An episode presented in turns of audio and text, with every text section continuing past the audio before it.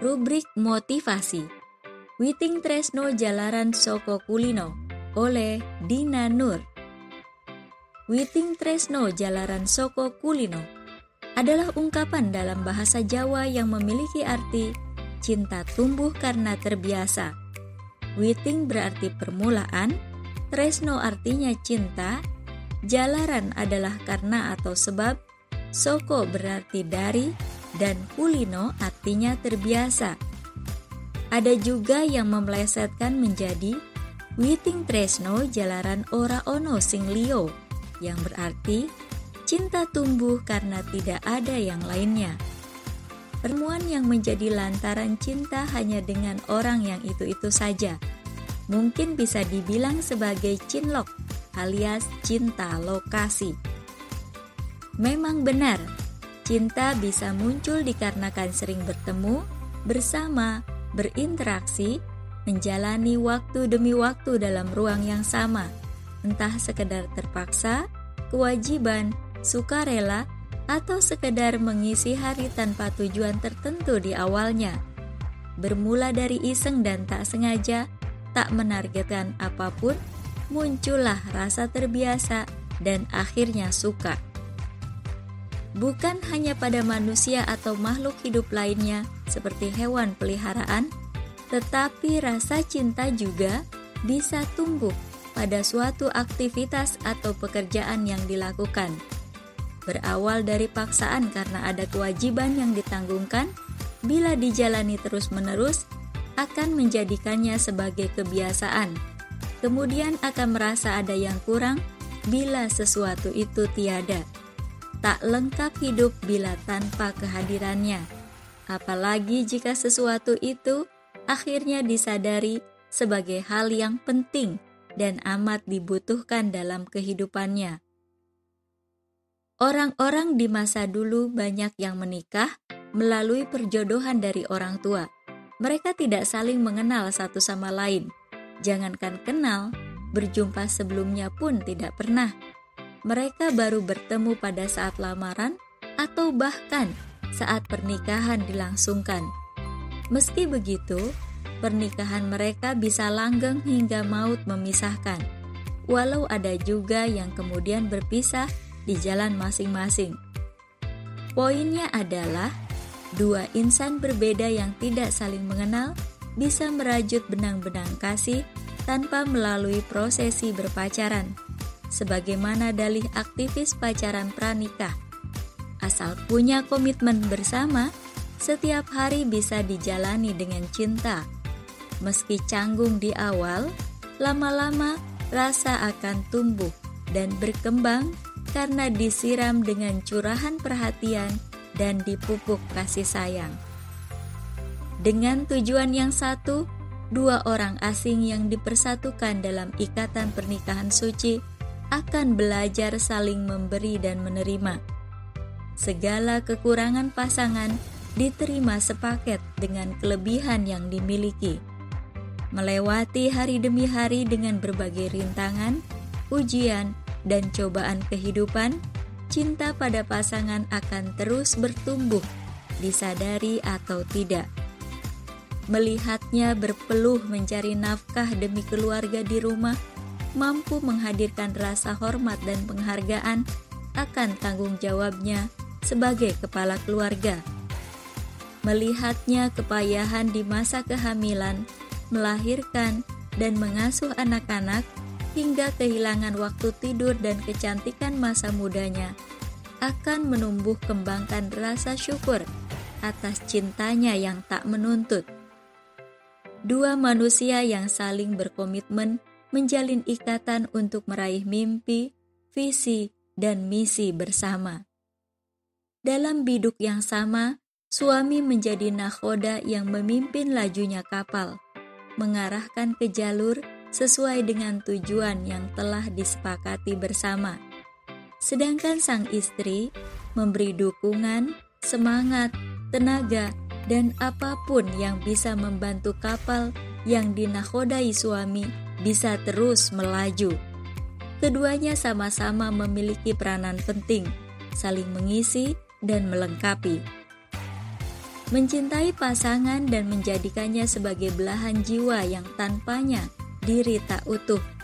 Pasangan yang senantiasa bersama bukan hanya fisik semata, tetapi benar-benar ada di kala apa pun.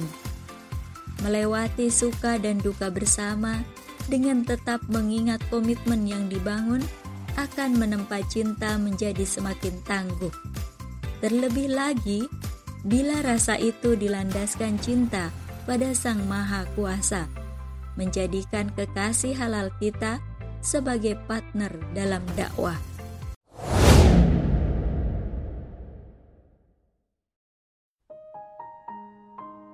Dakwah adalah kewajiban Muslim, suatu kewajiban yang dirasa banyak orang sebagai sesuatu yang berat. Wajar memang, dikarenakan dunia kapitalis telah merasuk ke seluruh persendian kehidupan. Urat nadi yang mengalir di dalam tubuh telah tercelup dalam kubangan nilai-nilai sekuleris.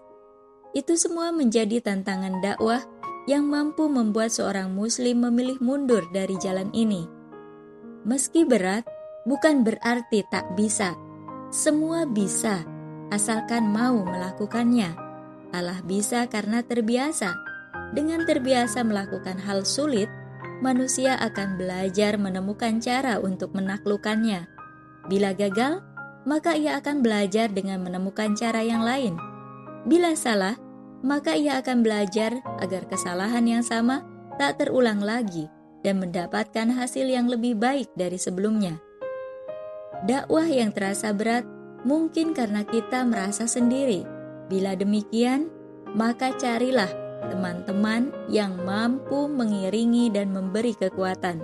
Bergabunglah dengan jamaah dakwah yang akan saling memberi motivasi dan tolong-menolong. Merasa tak mampu berdakwah, mungkin karena kita belum punya ilmunya. Bila demikian, maka jangan lantas mundur. Teruslah belajar Raup ilmu dari para guru dan mereka yang berilmu. Asal mau, pasti ada jalan untukmu. Bekali diri dengan ilmu agar dimampukan untuk berkontribusi dalam dakwah tersebut. Dakwah terasa seperti beban. Dakwah memang sebuah kewajiban. Paksakan saja, lama-lama akan terbiasa hingga menjadi sebuah kebutuhan. Bila sudah begitu, maka akan terasa nikmat menjalaninya. Beban atau tidak, sebenarnya bisa dikelola dengan mengingat bahwa ini kewajiban dari Allah yang ganjarannya luar biasa. Insya Allah, semua beban akan terasa ringan. Dunia tak membebani, sebab akhirat adalah sebenarnya tujuan pasti. Bila takut berdakwah karena mendapatkan ancaman, mintalah kepadanya agar diberi kekuatan dan pertolongan, sebab hanya Dia sebaik-baik pemberi pertolongan. Ketakutan sesungguhnya adalah bila Allah murka dengan menunaikan kewajiban dakwah ilallah, sesungguhnya kita tengah berupaya menghindari dari keketakutan yang maha dahsyat kelak di akhirat nanti, yakni azab neraka. Kekuatan dan kelemahan yang dimiliki adalah darinya. Mintalah agar ditempatkan semestinya, sehingga bisa membawa kebaikan pada dakwah. Dakwah yang awalnya terasa asing, berat, sulit, membebani, dan perasaan-perasaan negatif lainnya, seiring berjalannya waktu menjadi kebiasaan hingga kebutuhan dan kecintaan. Kuncinya adalah pada kemauan yang dilandasi kesadaran akan statusnya di dunia.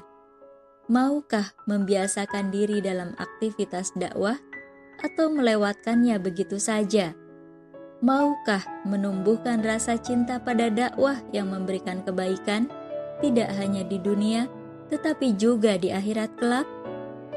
Hidup memiliki banyak pilihan, mencintai atau dicintai, meninggalkan atau ditinggalkan jika mencintai kebaikan, maka Allah akan mudahkan jalan untuk menempuhnya. Jika hamba mencintainya, maka dia pun akan lebih mencintainya.